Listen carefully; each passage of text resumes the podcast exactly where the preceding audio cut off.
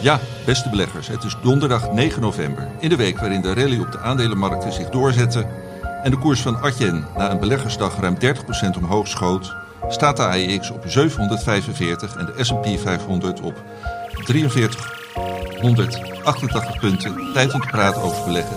Dit is voorkennis. Three ways to make a living in this business. Be first, be smarter, or cheat. No, I don't cheat. Beleggersbelangen presenteert voor kennis. Ja, beste beleggers, leuk dat jullie weer luisteren. Ik ben Johan Brinkman, mag vandaag weer de presentator zijn.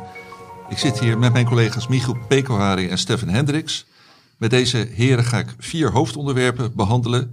We bespreken uiteraard, zou ik bijna zeggen, de ontwikkelingen bij Adyen. En eh, minder voor de hand liggend, maar niet minder interessant, eh, de Europese telecomsector. En eh, we gaan in op het verhaal achter de koersval van Air Products deze week. En op de kansen in de gamesector. Maar zoals altijd beginnen we met eh, terugblikken. Michiel, wat is jou afgelopen week het meest opgevallen? Ehm, nou, er is heel veel opgevallen, maar wat ik er even uit wil halen zijn de cijfers van ABN AMRO over het derde kwartaal, die niet al te best vielen. Afgelopen woensdag eh, Ja, dat was is dat. correct. En eh, met de winst was weinig winst. Die steeg met 2% naar 759 miljoen. Maar aan alles is te zien dat de bank ongeveer nu wel op het hoogtepunt zit van die winstgevendheid. Eh, wat je ziet is de netto rentemarge die al onder druk staat. Dat is eigenlijk het verschil tussen de rente eh, op het geld dat ze uitlenen en het geld dat ze ehm, dat bij ABN AMRO gestald wordt. Die lag weliswaar een stuk hoger dan vorig jaar. Vorig jaar was het 119 punten, nu is het 154 basispunten. Maar een k- kwartaal eerder was het 163 basispunten nog. Dat je ziet die, die druk al toenemen. Eh, de autoriteit Consument en Markt heeft aangekondigd dat ze een onderzoek gaan doen eh, naar de Nederlandse spaarmarkt. Omdat ja, de spaartarieven gewoon belachelijk laag liggen. li- liggen. En eh, een ander deel waar ABN AMRO eigenlijk op de top zit nu is eh, de stroppenpot. Ze hoeven niks opzij te zetten voor slechte leningen. Sterker nog, er valt 21 miljoen vrij in het afgelopen kwartaal. Als de economie even iets minder gaat, dan moet er weer wel geld in de stroppenpot. Als dan ook die netto rentemarge onder druk komt te staan, dan laat het zich uittekenen dat er ja, onderaan de streep een stuk minder overblijft. Dus het aandeel is mooi gewaardeerd. Ze hebben een dividendrendement van 9, 10 procent. Ehm, maar toch zou ik het aandeel hoogstens aanhouden nu. Ik zou dan liever kijken naar een bedrijf als ING, dat wel slaagt om de netto rentemarge op peil te houden. En bovendien wat meer ruimte heeft ja, met de huidige kapitaalbuffer om geld door te sluizen naar de aandeelhouders. Ja, Ehm, zou jij het nog wel aanhouden? Want volgens mij is het de officiële beleggersbelangenadvies verkopen. Ja, nee, dat is, dit is, ik, zeg, ik zou er gewoon niet, even niet aankomen. Wat ik wel mooi vind binnen deze sector is nog altijd Van Lanschot Kempen. Dat is een van de... eh, ja, het is meer, meer een zakenbank. Waarin zijn ze anders dan ABN AMRO en eh, ING? Het overgrote deel is afkomstig van commissieinkomsten. En die commissieinkomsten die zijn een stuk minder gevoelig voor die renteontwikkelingen als eh, de netto rentebaten bij de grootbanken. Dus ze hebben een meer ja, stabiel eh, ja, inkomstenmodel. Ze geven ook meer geld door aan de eh, beleggers op een ja, meer structurele manier. Ik ja, liever zoiets dan, dan een van de grootbanken op dit moment. En tenslotte, ik weet niet of jullie dat wel eens eh, zo'n geldmarktfonds hebben genoemd. Voor de spaarders die toch iets meer willen halen uit hun eh, Eh, ja, hebben, hebben we wel genoemd, maar schrijven we niet wekelijks over. Dus vertel, Michiel. Ehm, een mooie is DWS ESG Euro Money Market Fund. Dus je hebt 4% re- eh, rendement nu. Wat doen ze? Ze beleggen in heel kortlopende obligaties en met derivaten verkorten ze de duration nog eens tot momenteel eh, ja, 0,2 maanden. Dus je hebt bijna geen renterisico. Je krijgt een mooie rentevergoeding die ongeveer drie keer zo hoog ligt bij je spaarrekening. En bovendien, eh, je zit niet vast aan de grens van het eh, depositogarantiestelsel. Dus ik snap eigenlijk niet dat niet veel meer Nederlanders hun geld in dit soort fondsen stoppen in plaats van dat ze het op de spaarrekening laten staan. Oké, Michiel, ik weet zeker dat we dit graag in de show notes willen zetten. De naam van dit fonds met een mooie link erbij. Dus daar gaan we voor zorgen. Eh dankjewel. Eh, er gebeuren hier nou eh, dingen. Ja, er worden gewoon pennen van elkaar geleend. Hartstikke goed. Ja, ja Michiel, ik weet zeker dat jij ook terug gaat blikken op de cijfers van Adyen. Maar dat doen we in het eerste hoofdonderwerp. Dus geef ik nu het woord aan Steffen. Ja, dankjewel Johan. Ehm, nou, meerdere dingen op terug. Er is echt heel veel gebeurd de afgelopen week. Dus we kunnen er van alles nog wat uitpikken. Ik heb er maar vier genomen om mee te beginnen. Eerst macro, eh, dan zowel de olieprijs als de eh, korte en lange rente. Dat was natuurlijk wel opvallend. Hè. Brent olie is in vrij korte tijd, in een paar weken tijd, vanaf medio oktober ongeveer, van eh, 92 dollar per vat naar 80 gegaan. Nou, er worden altijd allerlei redenen voor genoemd. Eh, Het, het- uitblijven van, zullen we maar zeggen, nog verdere escalatie van het eh, Gaza-conflict naar ehm, olieproducerende landen wordt genoemd. Er was een rapport van de Energy Information Administration. Dat is een onderdeel van het Amerikaanse ministerie van Energie. Die aangaf dat ehm, nou de, de, de vraag naar, of de consumptie moet je eigenlijk zeggen, van benzine volgend jaar eh, van eh, de gemiddelde Amerikaan, dus per hoofd van de bevolking, wel eens op het laagste niveau van de afgelopen 20 jaar zou kunnen liggen. Mede als gevolg van hogere benzineprijzen en de inflatie. Hè. Dus dat er ook gewoon minder, wat men dan noemt, discretionary driving wordt gedaan. Hè? Dus als je niet per se in de auto hoeft, dat je dat dan ook niet doet, omwille van de kosten. Ehm, nou, dat is op zich wel opvallend, maar die, die, ja, die olieprijs is heel erg hard gegaan. Werkt natuurlijk dan ook weer door in de inflatie.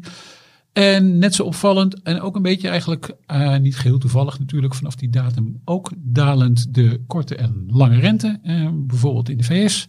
Ehm, kreeg nog een extra duwtje afgelopen vrijdag met banencijfers die dan meevallend waren. En dan meevallend in dit eh, verband is natuurlijk minder nieuwe banen dan verwacht. Dat is dan goed nieuws voor de rentemarkt, want misschien minder renteverhogingen of eerder renteverlagingen van de Federal Reserve. Ehm, en dan krijg je een eh, positieve obligatiekoers van. Dus dat macro.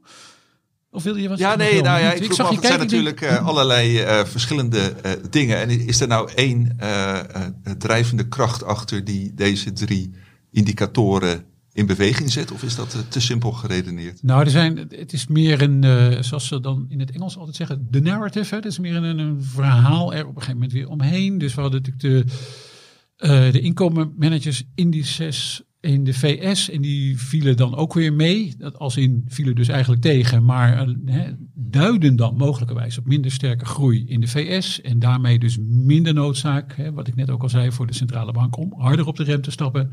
Dat betekent weer dat je eh, dus die rente omlaag zien gaan. En dan is dan wel belangrijk. Dan zie je dus zowel de tweejaarsrente. En die staat natuurlijk wat meer in direct contact, zullen we maar zeggen, met de officiële beleidsrente van de Federal Reserve. Maar ook de tienjaarsrente wat, eh, eh, wat dalen. Was er ook nog een veiling, hè, dat hebben we natuurlijk ook nog gehad. Dat, dat hele verhaal, noem ik het maar even, over de financieringsbehoeften van de Amerikaanse overheid. Dat wordt dan één keer per kwartaal bekendgemaakt. Van hoeveel leningen worden er eigenlijk uitgegeven, op welke looptijd wordt de nadruk gelegd. Nou, er werd wat minder nadruk gelegd op wat langer lopende leningen en wat meer nadruk op wat korter lopende leningen. Dat was dan ook weer goed voor de tienjaarsrente, de wat langer lopende eh, lening. Nou, woensdagavond, gisteravond, we nemen op donderdag op, eh, was er dan een veiling van onder meer tienjaarsleningen.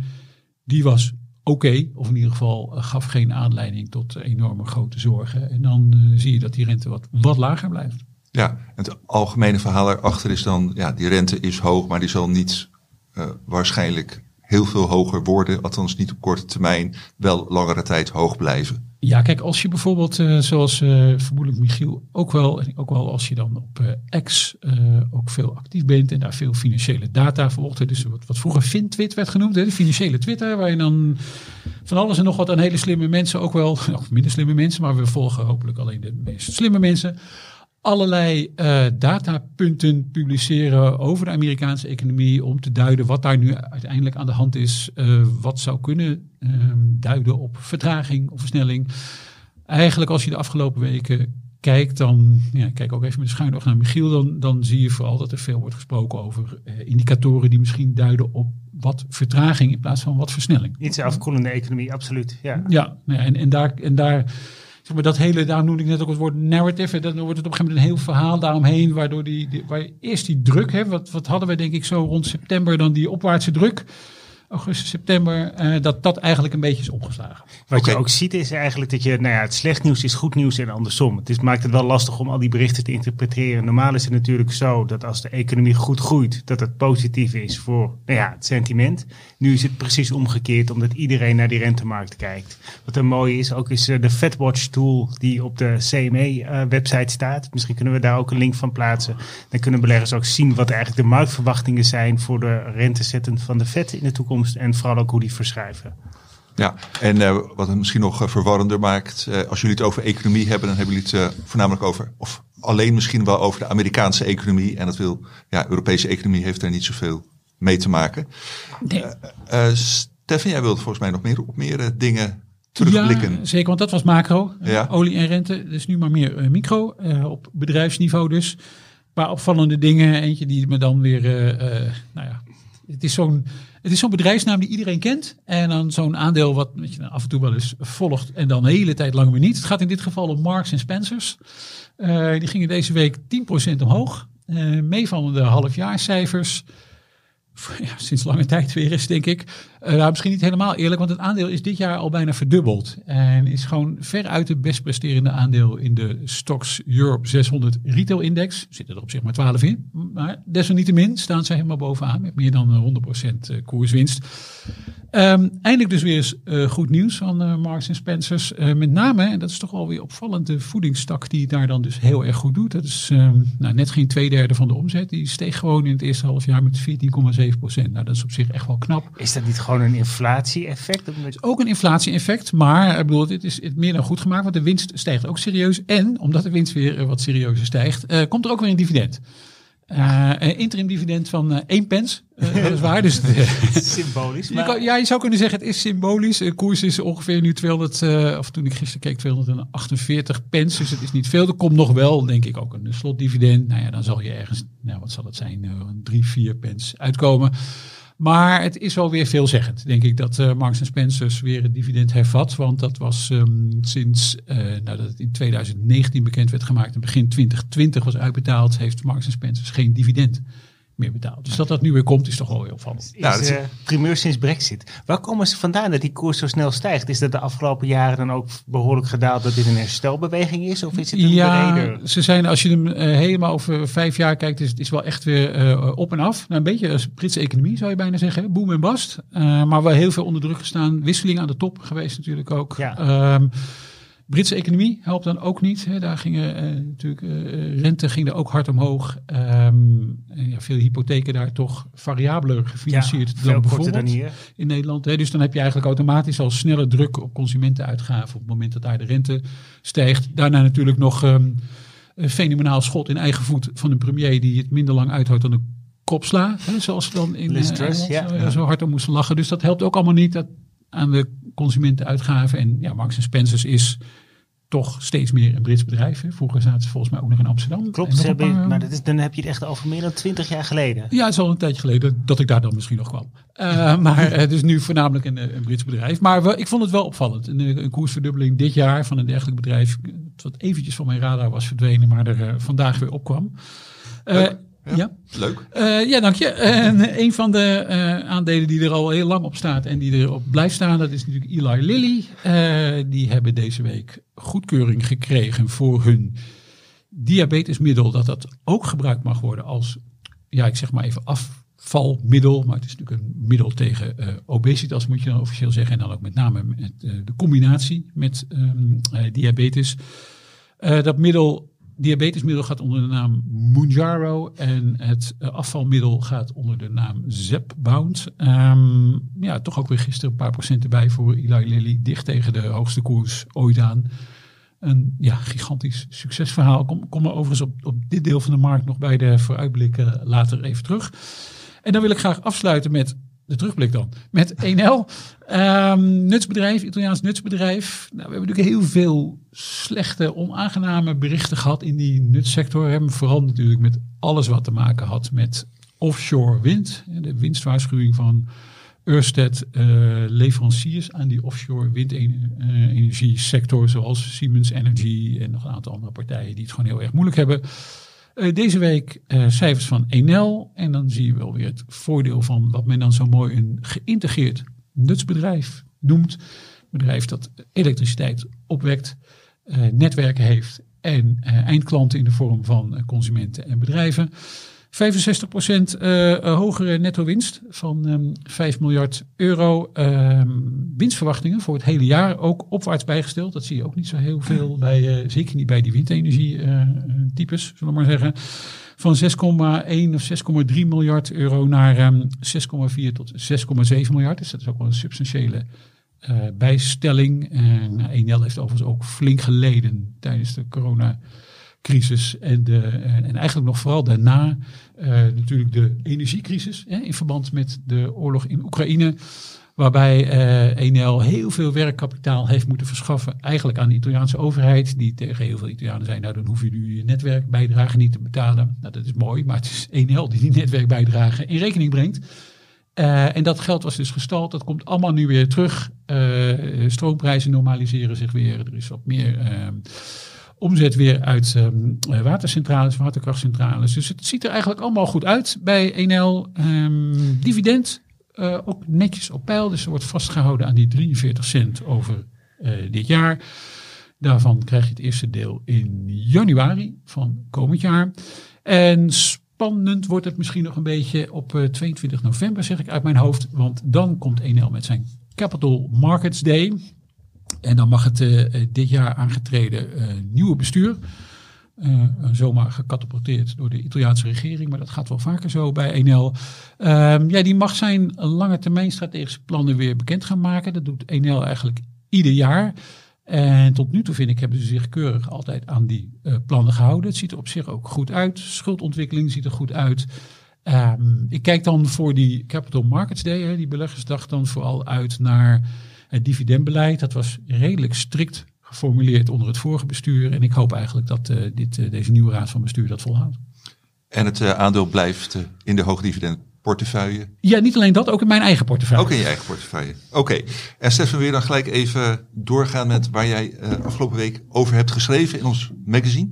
Ja, waar ik verreweg de meeste tijd aan besteed heb afgelopen week is aan ons verhaal van de week. En dat is eigenlijk het in kaart brengen van de lange termijn rendementsverwachtingen op de obligatiemarkt. En welke dat zijn, dat moet iedereen dan maar gaan lezen. Gaan we in de show notes eh, zetten. Michiel, dezelfde vraag voor jou.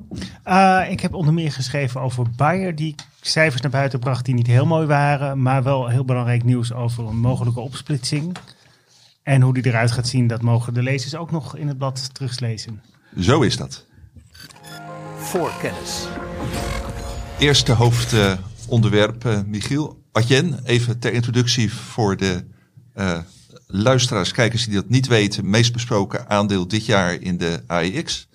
Enorme koersklap eh, in de zomer. Daarna ook nog eh, ja, tijdlang koers verder weggezakt. Maar vandaag, donderdag 9 november, plus 30 procent toen ik net voor het laatst keek. Plus 33 procent misschien zelfs. Eh, naar aanleiding van een eh, beleggersdag afgelopen nacht in, eh, in de VS. Michiel, wat kun jij daar allemaal over vertellen? Um, ik denk dat het goed is wat jij ook doet om eerst even een stapje terug te gaan. Van waar komt die koersklap in augustus vandaan? Dat was op basis van de halfjaarcijfers. De omzetgroei kwam op 21% uit. Maar de pijn zat bij de EBITDA-marge die van 52 naar 43% ging. Uh, grote zorg om prijsdruk, de doelen die waarschijnlijk niet gehaald zouden worden. Het bedrijf stelde zich tot doel om de omzet elk jaar met 25 tot 30 procent te laten groeien.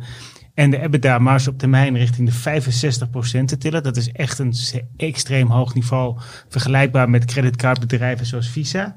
Um, de paniek werd versterkt doordat uh, branchegenoten, vermeende branchegenoten, zoals Worldline, het Franse bedrijf, ook met heel slechte cijfers en neerwaartse bijstellingen kwam. En dezelfde koersval ook zo ongeveer. Ja, het was, uh, de, de, de, in één keer werd het bedrijf eigenlijk afgeschreven. Maar wat is er dan eigenlijk afgelopen nacht gebeurd? Nou, ik denk verschillende dingen. Laten we beginnen met de doelstellingen die ook heel veel aandacht hebben gekregen. Die hebben ze wat meer uh, realistisch gesteld. Um, de groei komt niet op 25 tot 30 procent, maar in de lage twintigers tot hoge twintigers in de periode tot en met 2026. En de EBITDA-marge wordt op een iets redelijker 50% gezet uh, aan het eind van die periode in plaats van 65%. En heel veel partijen die hadden iets van, oh jee, die, die, maar, die doelstellingen gaan omlaag, dat is slecht nieuws. Maar hiermee legt het bedrijf de lat zo hoog dat ze er gewoon goed overheen moeten kunnen stappen. En het mooie is ook, ze kunnen uh, zelf bepalen wat die EBITDA-marge in zekere zin wordt. Want ze hebben die margeval in de eerste helft van het jaar volledig aan zichzelf te danken of te wijten, hoe je het wilt zien. Wat gebeurt namelijk? Um, Adyen die kijkt niet alleen naar de huidige situatie, die kijkt ook wat verder vooruit. Die hebben bepaalde groeidoelstellingen, ook bepaalde submarkten en die willen daarvoor investeren. Het doet me eigenlijk best wel denken ook aan het bedrijfsmodel van Amazon, die ook jarenlang heel veel geïnvesteerd heeft en daar uiteindelijk de vruchten van plukt. Uh, die al veel eerder winst hadden kunnen maken als ze niet zoveel geld opzij hadden gezet voor nieuwe investeringen. Waar gaat het geld van um, in zitten? Dat gaat zitten in mensen. Uh, in de periode tot en met uh, de eerste helft van het jaar, in 12 maanden, hebben ze 1308 mensen aangenomen. Waardoor het personeelsbestand groeide tot 3883. Dus het is echt een enorme groei geweest. En daardoor gingen de loonkosten in één klap in een jaar met 80% omhoog naar uh, bijna 300 miljoen. En dat verklaart meteen ook waarom die marge opeens zo gedaald is. Dus als ze niet al die mensen hadden aangenomen met het oog op de toekomst, hadden ze nu mooiere cijfers gehad. En uh, wat, wat mij ook wel positief maakt over Atjen is dat ze in het afgelopen kwartaal hebben ze nog steeds 175 mensen aangenomen. Dat is niet meer het tempo van het afgelopen jaar. Maar ze geven aan, wij varen onze eigen koers. We blijven gewoon investeren in die groei. Uh, wij gaan niet, omdat de markt opeens zich zorgen maakt, ons, uh, onze plannen eigenlijk bijstellen. Um, ze zijn ook heel duidelijk. In het vierde kwartaal komen er nog meer mensen bij, maar daarna is het klaar. Dus dan kan die marge zich in de toekomst herstellen. Um, tot zover de doelstellingen en het margeverhaal. Uh, ze hebben ook cijfers naar buiten gebracht, wat eigenlijk vrij ongebruikelijk is. Dat hebben ze één keer eerder gedaan en dat was tijdens de coronapandemie. Normaal is het een kwartaal-update, daar, daar, daar doen ze niet aan. Net zoals bijvoorbeeld HSR en, en N-Group. Um, dat is gewoon elk half jaar de cijfers. En ze, ze, hebben ook niet heel specifieke cijfers naar buiten gebracht. Misschien dat je er daarom ook weinig over hoort. De cijfers die ze naar buiten hebben gebracht zijn uh, in mijn ogen behoorlijk vertrouwenwekkend. Als je ziet dat de omzet in het, uh, de nette omzet moet ik zeggen, in het afgelopen kwartaal met 22% is gestegen, dan is dat een kleine versnelling ten opzichte van het eerste half jaar. En bovendien hadden ze ook nog last van tegenwind. Zonder die tegenwind was het 26% geweest. Uh, kijk je onder de motorkap. Tijdens de beleggersdag vorig jaar, toen, toen zag de wereld er voor Adje nog heel anders uit. En toen focuste heel erg op het uh, platform- en uh, MKB-segment. En platform, nou, dat is bijvoorbeeld ja, handelsplatform waar je gewoon je producten kunt aanbieden. Het beste voorbeeld is eBay, waar ze nu ook het betalingsverkeer voor afhandelen. Maar bijvoorbeeld ook gewoon woningruilsites, autoruilsites, van alles en nog wat. Um, en dat hebben ze heel specifiek als groeimarkt aangewezen. Het afgelopen half jaar was de groei 82% in dit segment, als je eBay niet meerekent. En in het uh, afgelopen kwartaal was dat 120%. Dus dat groeitempo daar, eigenlijk alles wat ze vorig jaar tijdens die beleggingsdag gezegd hebben, uh, daar, ja, dat, daar plukken ze nu de vruchten van, van die investeringen. Dus het is eigenlijk een, uh, het zijn verschillende boodschappen die in die, die, die cijfers en in die toelichting zitten. In de eerste plaats is het volgens mij zodat beleggers heel erg hebben onderschat hoe diep uh, Adyen is ingegraven bij de bedrijven voor wie ze zaken doen. Dat zijn heel grote bedrijven. Je stapt niet 1, 2, 3 over naar een andere partij, simpelweg omdat je dan allemaal met technologische compliance en, en uh, veiligheidsuitdagingen te maken krijgt. Het is ook niet even de knop omzetten. Een mooi voorbeeld is de wijze waarop Adyen bij eBay terecht is gekomen. Dat proces heeft echt jaren geduurd voordat uh, ze dat allemaal hebben overgenomen van PayPal. En als ze ergens binnen zijn, dan, dan blijven ze daar binnen. De churn, het aantal klanten dat wegloopt, is al jarenlang minder dan, dan 1%. Um, ehm, dus de, de, de, de omzet, ja, de veiligheid, de stabiliteit en de groei daarvan is een stuk voorspelbaarder en veiliger dan het zich liet zien. Um, en ik denk ook dat uh, beleggers zich verkeken hebben op het vermogen van Adyen om eigenlijk die, die, die omzet te vertalen naar uh, EBITDA. En vervolgens ook de vrije kaststroom, die ongeveer even hoog ligt als de EBITDA. En dan is het misschien wel leuk om aan de hand van wat er ja, eigenlijk uh, gisteravond, of eigenlijk woensdagavond moet ik zeggen, met het oog op het moment van podcast-uitzending gezegd is als je kijkt naar die groei, dan nou, komend jaar komen ze ongeveer uit op een omzet van 1,6, 1,7 miljard. Als we een groeitempo halen, is het in 2026 uh, ongeveer 3,2 miljard. De EBITDA-marge die zij zelf stellen op 50%, dat zou volgens mij nog best wel wat meer kunnen worden als zij uh, ervoor kiezen om even wat minder te investeren in de toekomst. Maar ja, zoals gezegd, dat is een strategische keuze van Adjan zelf. Um, dan, dan kom je op een EBITDA en vrije kaststroom van 1,6 miljard. Ja, na die koersstijging van vandaag is dat ongeveer 18 maal, uh, is de verhouding tussen beurswaarde en vrije kaststroom ongeveer 18 voor over drie jaar.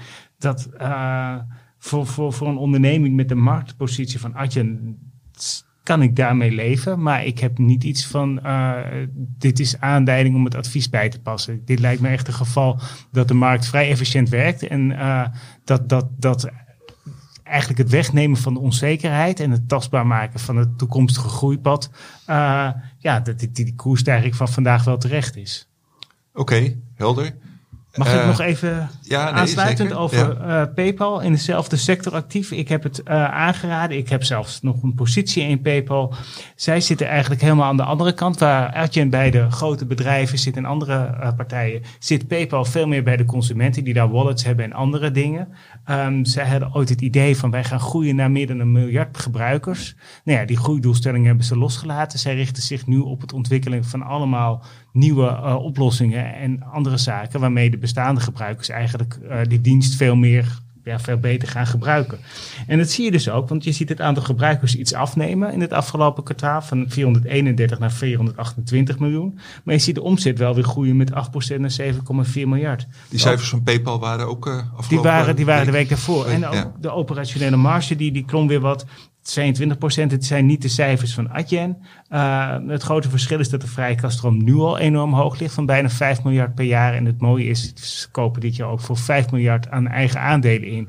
Dus in het huidige tempo denk ik dat PayPal tussen ja, 10 en 15 jaar van de beurs verdwenen is, als ze zo op deze manier doorgaan. Hebben ze zichzelf opgegeven. Ja, Oké, eh, helder en een hele sectoranalyse, eh, Michiel. En eh, wat jij daar verder nog eh, over gaat schrijven, dat staat ook volgende week eh, in, eh, in Beleggersbelangen. Ehm, we gaan naar het volgende hoofdonderwerp. Voor kennis. Eh, ja, we, zoals Adyen eh, een beleggersdag had woensdagavond, zo hebben KPN en het Spaanse Telefonica dat afgelopen tijd ook gehad. En Steffen heeft die dagen gevolgd en wil daar een en het ander over delen met u. Eh, zeker, ja. Dankjewel, Johan. Ehm, ja, wat zelfs wat breder nog in die Europese telecomwereld. Het was ooit heel erg hip toen Michiel en ik bij Beleggersbelangen begonnen. Eh, toen was telecom ontzettend hip. Dit is nu tegenwoordig een stuk minder hip. Maar er gebeurt nog wel van alles en nog wat. Eh, bijvoorbeeld bij Vodafone, dat natuurlijk al een tijd bezig is zichzelf te reorganiseren, af te splitsen, et cetera. Nou, dit, één ding is gelukt in ieder geval. Vodafone heeft zijn Spaanse activiteiten verkocht. In Spanje wel een beetje een lastige eh, markt. Wat veel partijen, lagere marges. Eh, Franse Orange is daar nog bezig om Masmovil over te nemen. Dat ligt nog steeds volgens mij bij de Europese Commissie om daar een uitspraak over te doen. Vodafone is in ieder geval van zijn Spaanse activiteiten af voor een bedrag van 5 miljard eh, aan een telecom-investeerder Zagona genoemd. Uh, dus dat is mooi voor een in een redelijke prijs en een hoofdpijndossier minder. Um, Telefonica had ook nog een beetje een hoofdpijndossier, maar dan in uh, Duitsland, uh, waar uh, Telefonica Duitsland staat genoteerd. Um, dat zijn de 28% van de aandelen die Telefonica daarvan niet in handen had. Maar daar willen ze wat aan doen, want daar is een bod op uitgebracht van 2,35 euro. Daar staat die koers inmiddels ook. Uh, dus die, uh, die koers steeg in één dag met, wat was het, 5, 5 36 procent. Um, die heeft het niet zo makkelijk, die Duitse dochter, want die verloor een, een, een zogeheten reselling contract. Dat ze hadden met een, een, een, een andere aanbieder, Eins und Eins, denk ik dat je moet zeggen. Um, en toen stortte de koers helemaal af. Dat was in augustus. Uh, ja, nu ja, verlost het moederbedrijf, denk ik, deze dochter uh, uit haar lijden. Dus Vodafone wil die uh, Telefonica Duitsland van de markt nemen. Ook om, denk ik, zo langzaam maar zeker dat concern een beetje te gaan versimpelen. Is een hele beleggersdag ook geweest. 90 pagina's aan um, presentatie van verschillende mensen van Telefonica. Ja, wat krijg je daar dan voor? Uh, voor de periode uh, 2023, 2026 krijg je daarvoor een, uh, een jaarlijkse stijging van de omzet van 1%. Uh, jaarlijkse stijging van de EBITDA, dus dat is de operationele winst voor afschrijvingen en amortisatie immateriële activa, zoals dat zo mooi heet, van 2%. Ah, dan wel in ieder geval een stijging van de free cashflow met jaarlijks 10%. En dan denk je misschien, hey, hoe kan dat nou? Als de omzet niet zo heel erg hard oploopt en die EBITDA loopt ook niet zo heel erg hard op, waarom houdt Telefonica dan opeens zoveel geld over? Nou, een van de redenen is dat Telefonica zijn investeringspiek, de capex zoals het heet, een beetje achter zich heeft liggen, waardoor er dus meer geld vrij moet komen, echt aan daadwerkelijke free cashflow. Um, dan denk je ook nog, nou, dan zal ik dan als belegger wel rijkelijk voor beloond worden. Uh, ja, het ligt een beetje aan wat je rijkelijk vindt. Telefonica uh, keert een dividend uit van 30 cent. En dat is op de huidige koers levert dat ongeveer een dividendrendement op van 8%. Dus dat is best stevig. Maar gek genoeg wil Telefonica eigenlijk niet verder gaan dan dat ze een dividend van 30 cent garanderen voor die periode 2023, 2026. Minimaal 30 cent. En mogelijkerwijs, als het allemaal wat beter gaat, nog nou opportunistische maatregelen. Misschien een hoger dividend of inkoop van eigen aandelen. Uh, en dat vond ik wel apart. Want als je dan doorschakelt, en dat, laten we dat dan nog maar meteen doen naar de uh, beleggersdag van KPN. Tuurlijk, een wat eenvoudiger organisatie. Hè? Eén, één land eigenlijk waar je je op richt. Um, ook een stevige presentatie, volgens mij ook alles bij elkaar uh, 70 pagina's.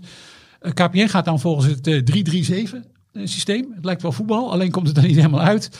Maar uh, 3% uh, omzetgroei over 2024, 2027 wordt nagestreefd. 3% groei van die EBITDA en 7% groei van de free cashflow.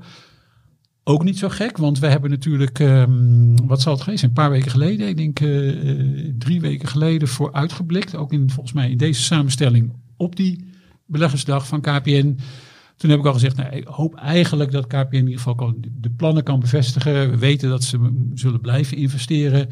En maar dat hopelijk na 2026 die investeringen wat terug kunnen. Nou, dat is allemaal netjes bevestigd door KPN. Dus ja, uh, 1,2 miljard aan capex, zoals dat heet, voor de periode 2023, 2026. Daarna uh, zakt dat onder de 1 miljard.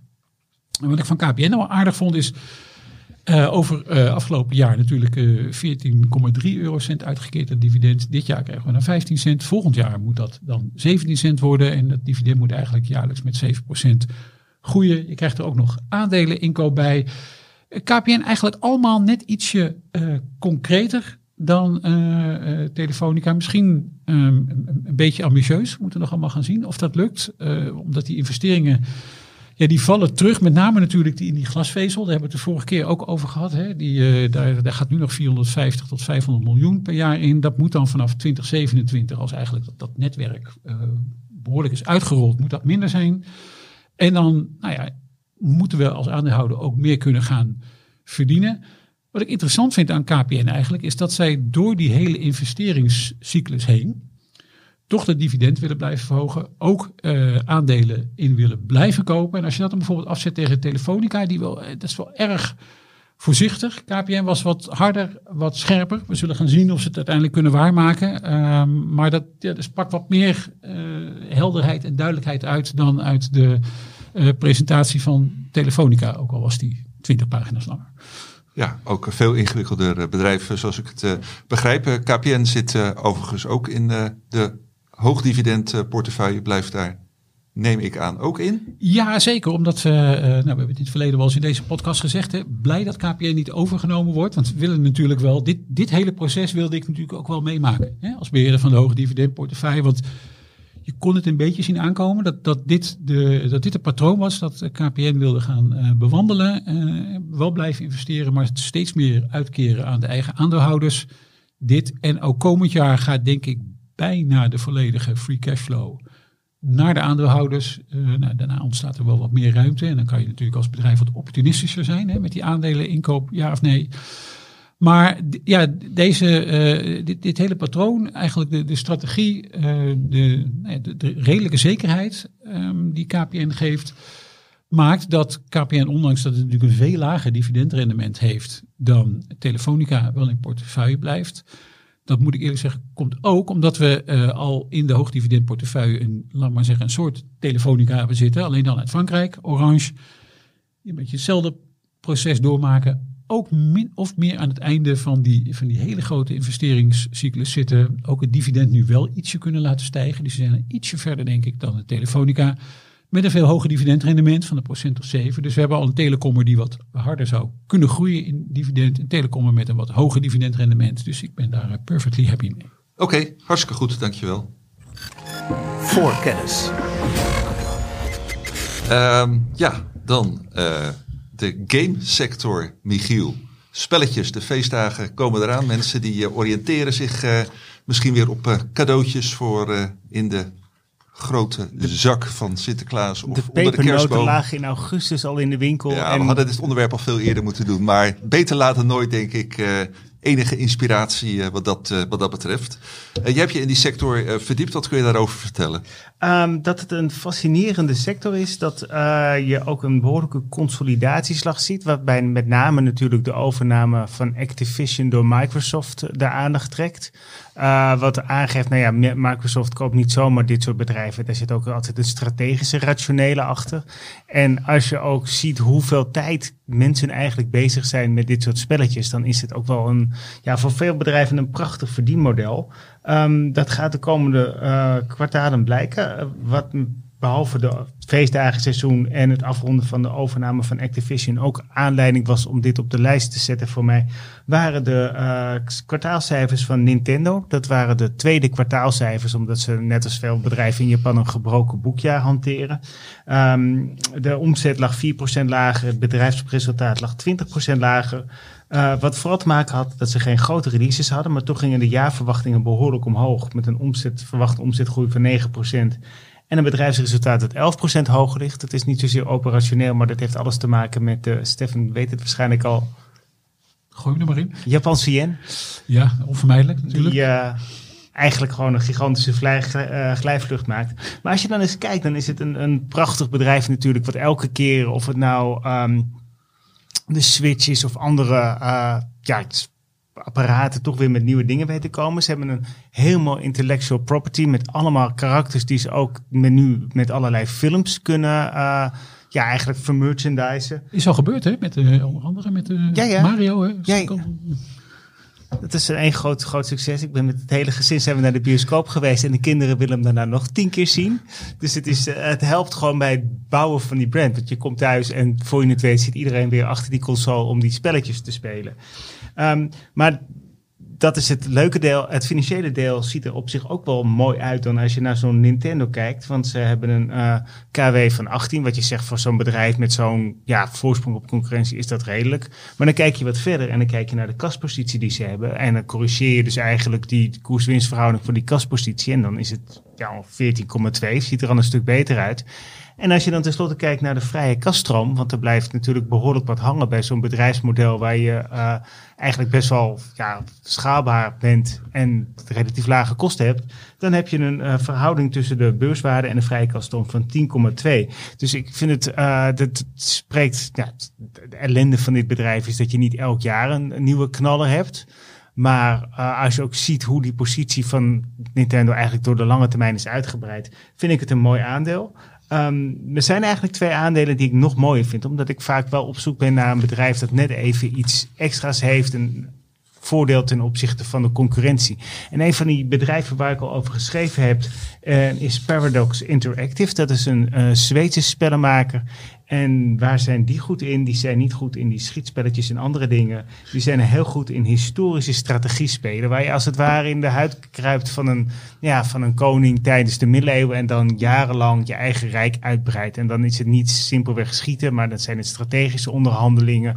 Uh, andere zaken die erbij komen kijken. Ze hebben ook andere soortgelijke spelen die echt een hele trouwe uh, schare volgers hebben. En het mooie daarvan is dat je niet alleen één keer een spel in de markt zet, maar dat je dan vervolgens ook allemaal uitbreidingssets hebt van nieuwe uh, gebieden, nieuwe ja, of nieuwe concepten erin, nieuwe economische concepten, nieuwe manieren om diplomatie aan te gaan. Dus als je dat echt die hele ervaring wilt, dan koop je elke paar maanden moet je weer zo'n uitbreidingsset kopen. Het klinkt er, Michiel, of jij zelf ook een uh, speler bent. Uh. nog niet, nog niet. Ik heb er nu de tijd niet voor. Ik zit nu heel erg thuis met de kinderen en ik ben blij als ik uh, van die momenten heb om even mee te gamen met zo'n potje Mario of vooral Mario Kart. Omdat als je met z'n allen een Mario bent, er nog wel wat frustratie boven komt bij sommige huisgenoten van mij. Maar ik kan me er wel op verheugen dat ik straks wat meer tijd heb om me helemaal in dit soort spelen onder te dompelen. Omdat het, nou ja, je hebt meestal echt, echt wel honderd uur, zo niet meer nodig om zo'n heel concept te snappen. Maar dan heb je er ook wel heel veel, ja, heel veel spelplezier aan. En dat, dat is ook het mooie van dit, dit bedrijf. Het is niet dat je 1, 2, 3 overstapt naar een ander spelletje als daar een leukere bonus of wat dan ook aan zit. Hey, en de Paradox Interactive, die heb je vrij onlangs uh, getipt? Uh... Ik heb ze uh, ruim een jaar geleden getipt. toen is de koers best wel goed ge- omhoog gegaan. Want ze stonden rond 164 op een gegeven moment stonden ze boven de 300. Eh, waarom kom ik er nu op terug? Omdat de koers de afgelopen tijd behoorlijk gedaald is. En eigenlijk best wel een mooi instapmoment zich aandient. En waarom is die koers gedaald? Dat komt met name door de derde kwartaalcijfers. Die eh, met een omzetgroei van 18% nog wel redelijk waren. Wat deels te danken is aan het valuta-effect zijn we weer van de Zweedse kroon. Uh, maar het bedrijfsresultaat ging met 17% onderuit. En nou ja, dat zijn beleggers toch altijd een beetje sceptisch over. Maar als je wat verder kijkt, dan is een groot deel van die kosten heeft betrekking op marketinguitgaven voor nieuwe titels die eraan zitten te komen. Um, en ja, ondanks hebben ze Skylines 2 uh, geïntroduceerd. Dat is ook weer echt, wordt ook weer zo'n serie.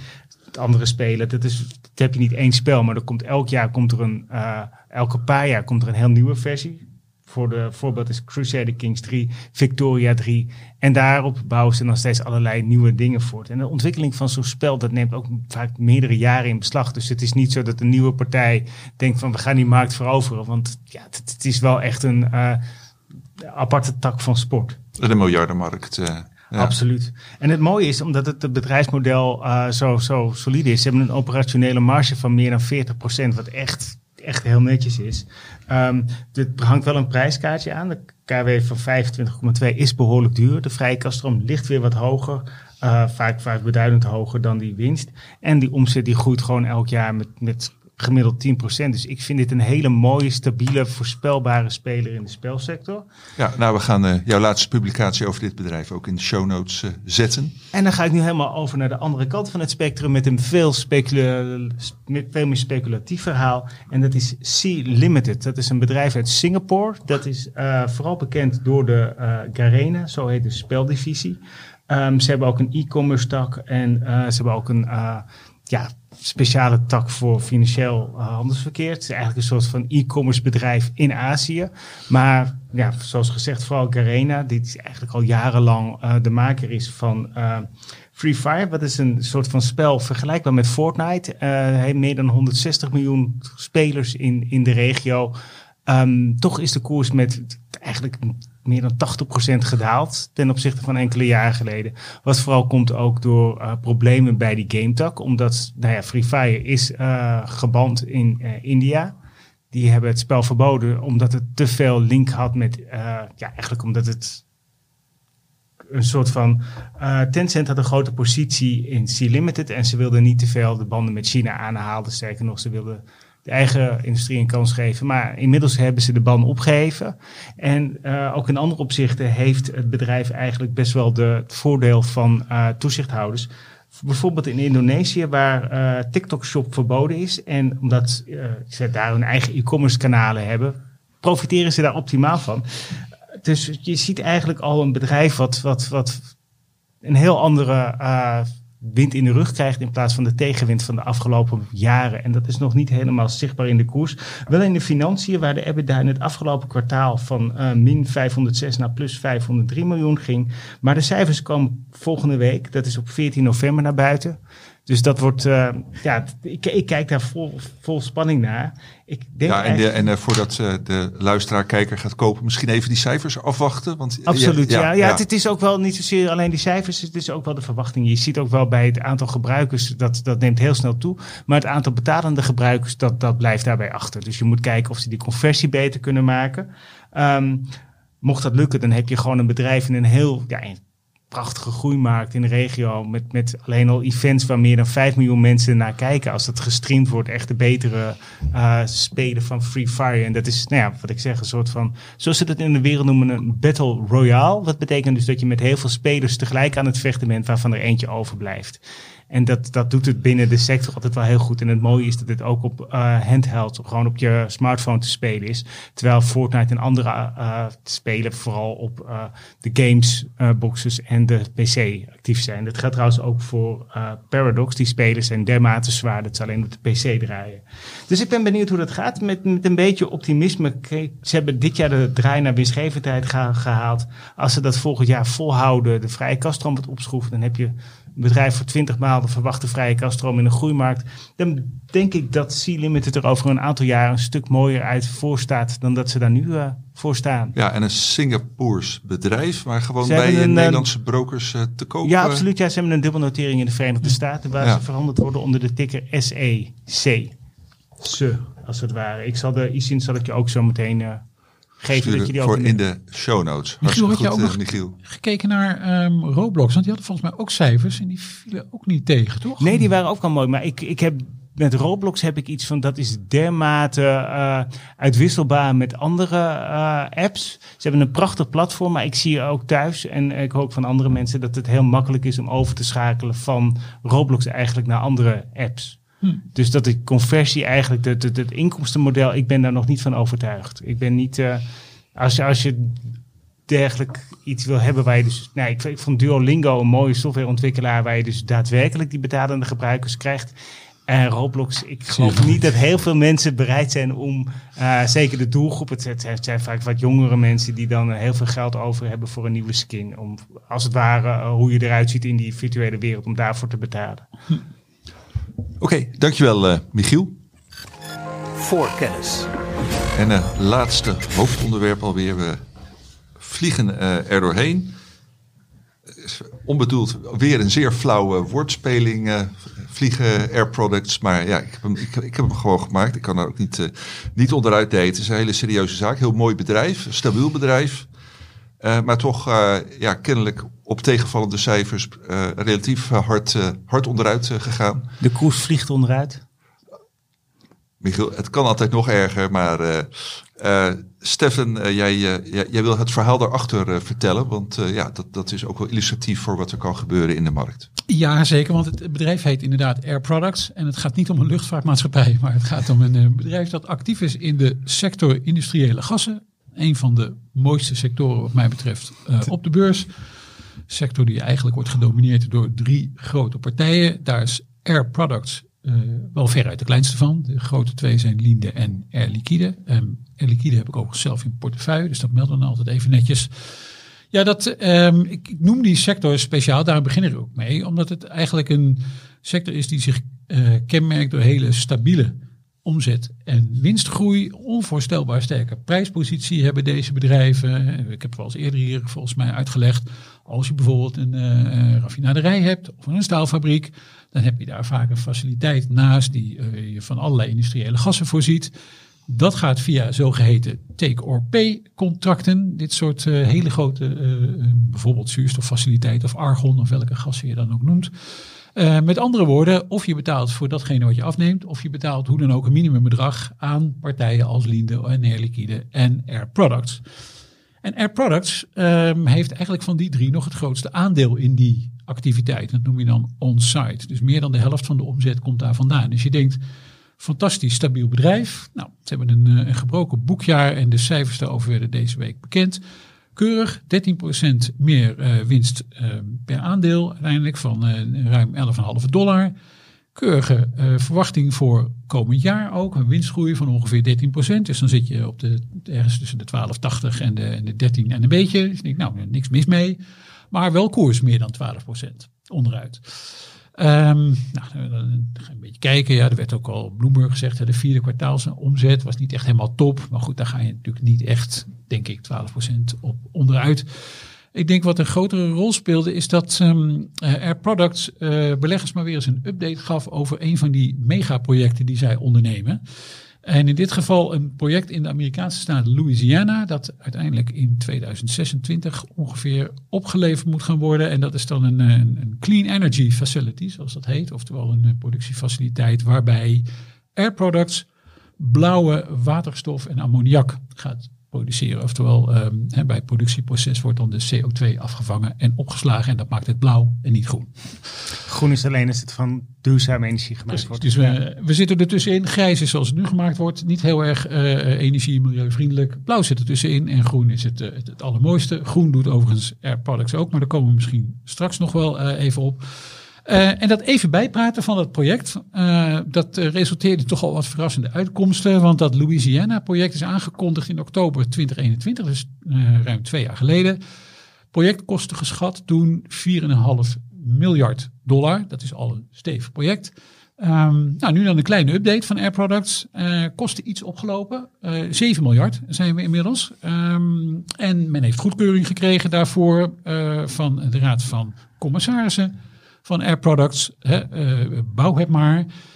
Nou, denk je, hoe, is dat in hemelsnaam mogelijk? 2,5 miljard extra kosten. Um, ja, dat was natuurlijk ook onderwerp van gesprek tijdens de uh, zogeheten conference call met analisten. Waarbij het management dan toelichting gaat geven op de cijfers.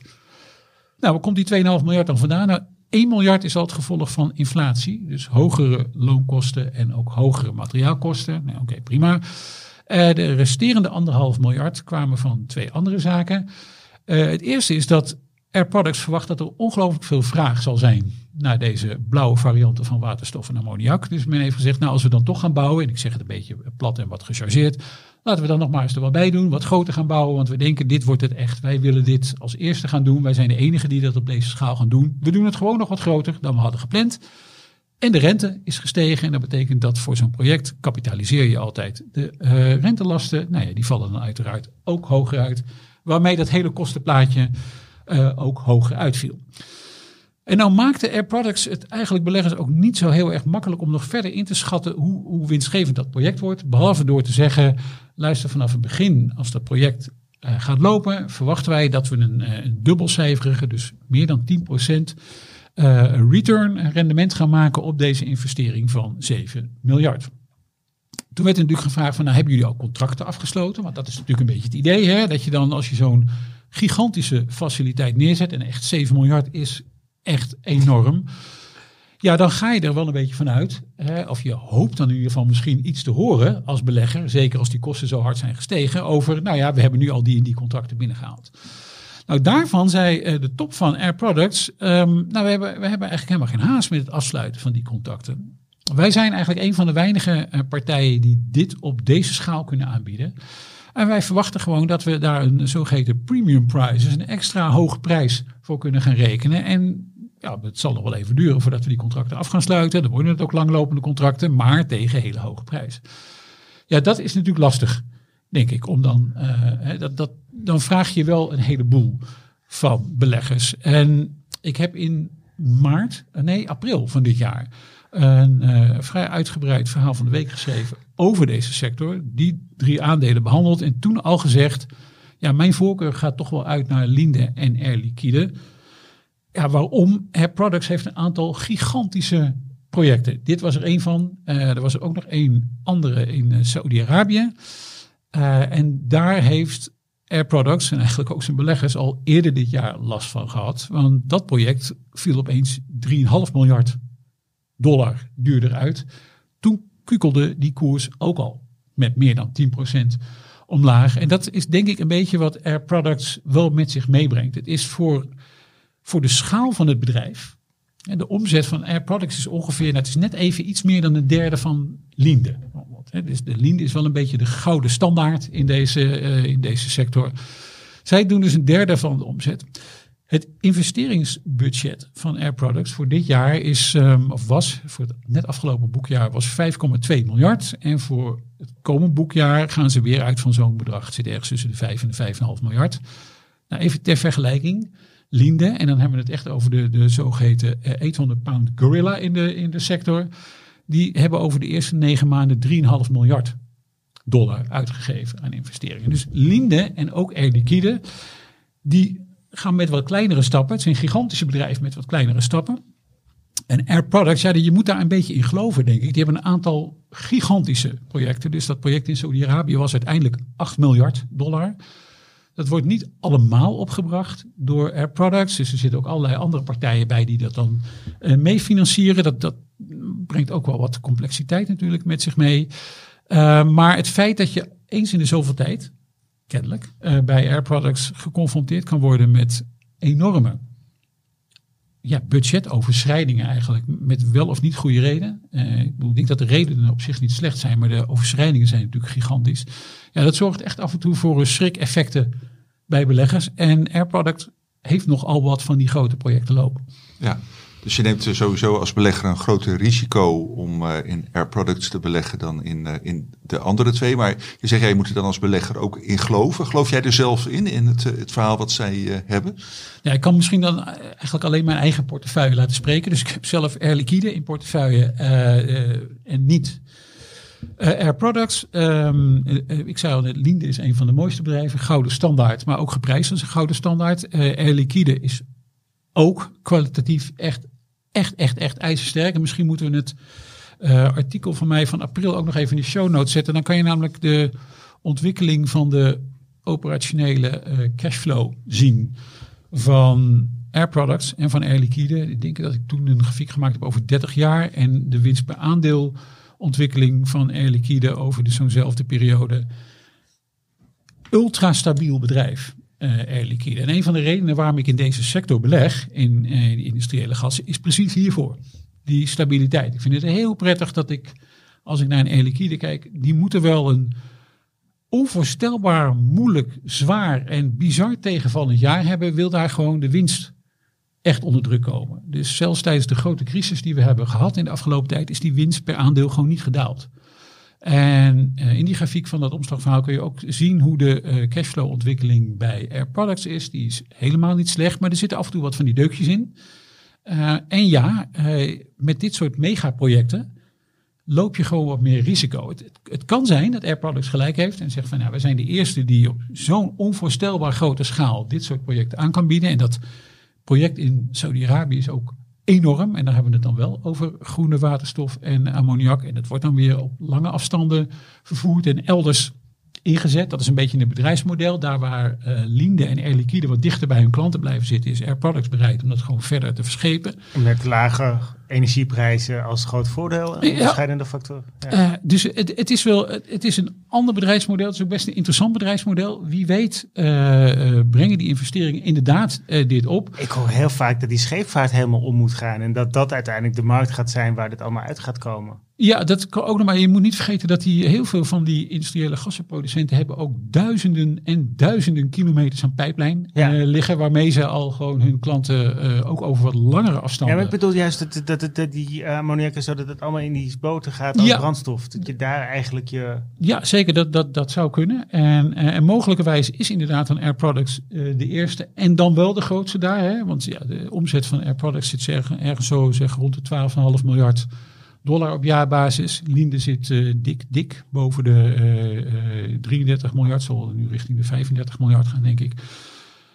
mogelijkwijs maken zij daar een enorme inhaalslag. En zijn die projecten inderdaad allemaal heel erg winstgevend. En, en als Air Products inderdaad in staat is om daar allemaal dubbelcijferige rendementen te halen op projecten van 7, 8 miljard. Ook al gaat er een deel van natuurlijk naar andere partijen die dat meefinancieren dan kan Air Products een fantastische reeks volhouden. Want het is tenslotte een dividend aristocrat. Hè, meer dan 40 jaar al aan dividendverhogingen. En ook begin dit jaar dividend weer plus 8%. Dus dat ziet er op zich allemaal wel goed uit. Maar binnen die sector ja, moet je er gewoon als belegger rekening mee houden dat, dat je hier een wat risicovollere variant hebt. Nu is na de koersval de, de, de prijs van uh, Air Products wel wat uh, veranderd ten opzichte van die van Air Liquide en, uh, en Linde. Linde veruit de duurste. Air Liquide daar dan wat tussen. En nu zit met ongeveer, nou wat zal het zijn, 20 keer de verwachte winst per aandeel voor het lopende boekjaar. Air Liquide voor het eerst ook echt dik onder die 3, 4, 25 die het wel eens noteerde.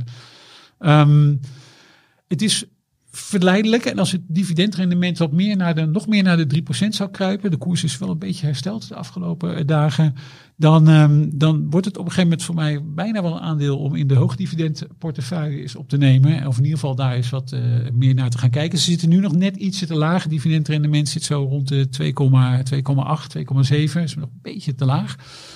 Maar um, het is in ieder geval, als je in de sector belegt, moet je er gewoon rekening mee houden dat dit is een bedrijf dat je af en toe nog eens uh, heel erg kan verrassen. Want een koersreactie als deze geeft wel aan dat niemand dit had zien aankomen. Daar is de sector veel te stabiel. Mag ik één vraag stellen over die stabiliteit van die sector? Omdat je eigenlijk maar drie grote spelers hebt, is er wel genoeg concurrentie? Is er niet het risico dat zo'n kartelwaakhond op een gegeven ogenblik zegt van wacht even, die marges die jullie halen, um, dat laat zich moeilijk verenigen bij de, de, de concurrentie die er is?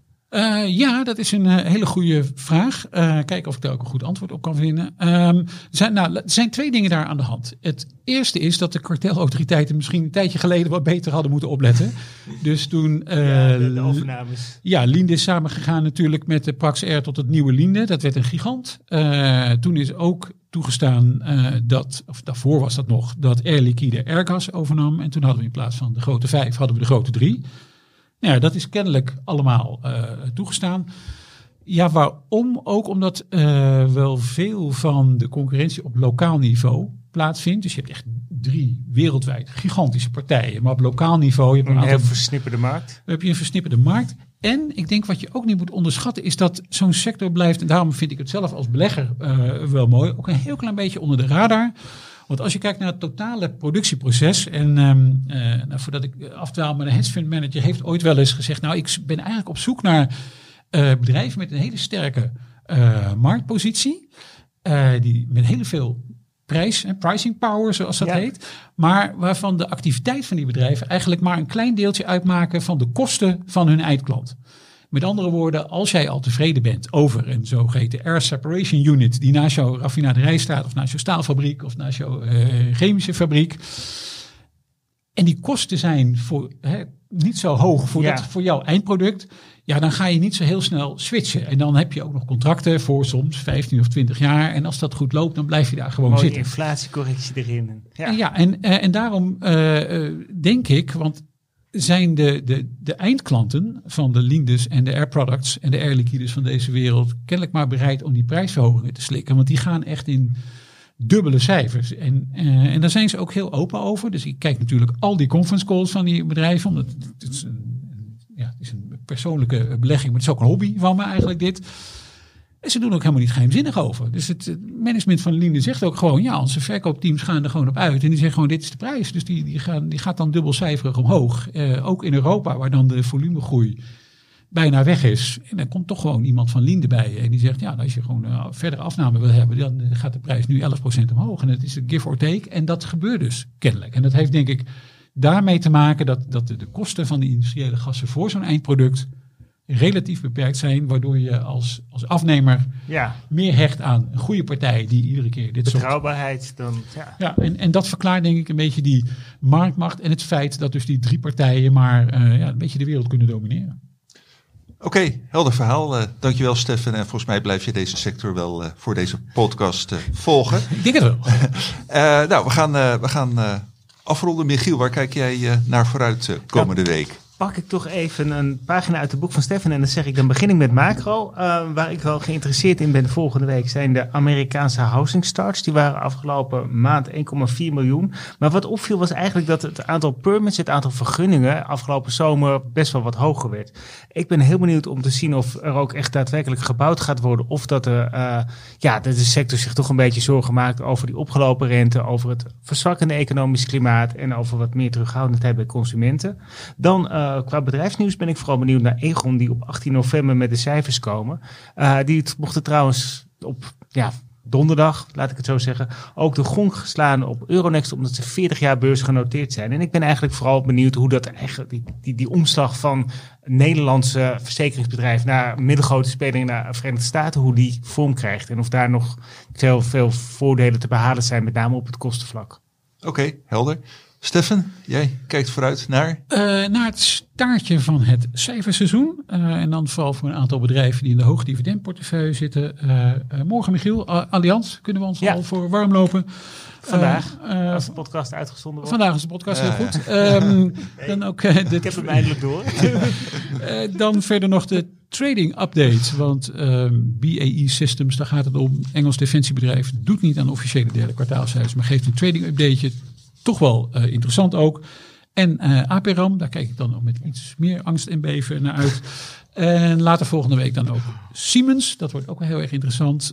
En voor de iets langere termijn kijk ik eigenlijk uit, dat heeft helemaal niks met bedrijfscijfers te maken, maar uh, naar de fase 2b testresultaten van Pfizer's Danuglipron. Ik moest dat wel eventjes netjes opschrijven nog.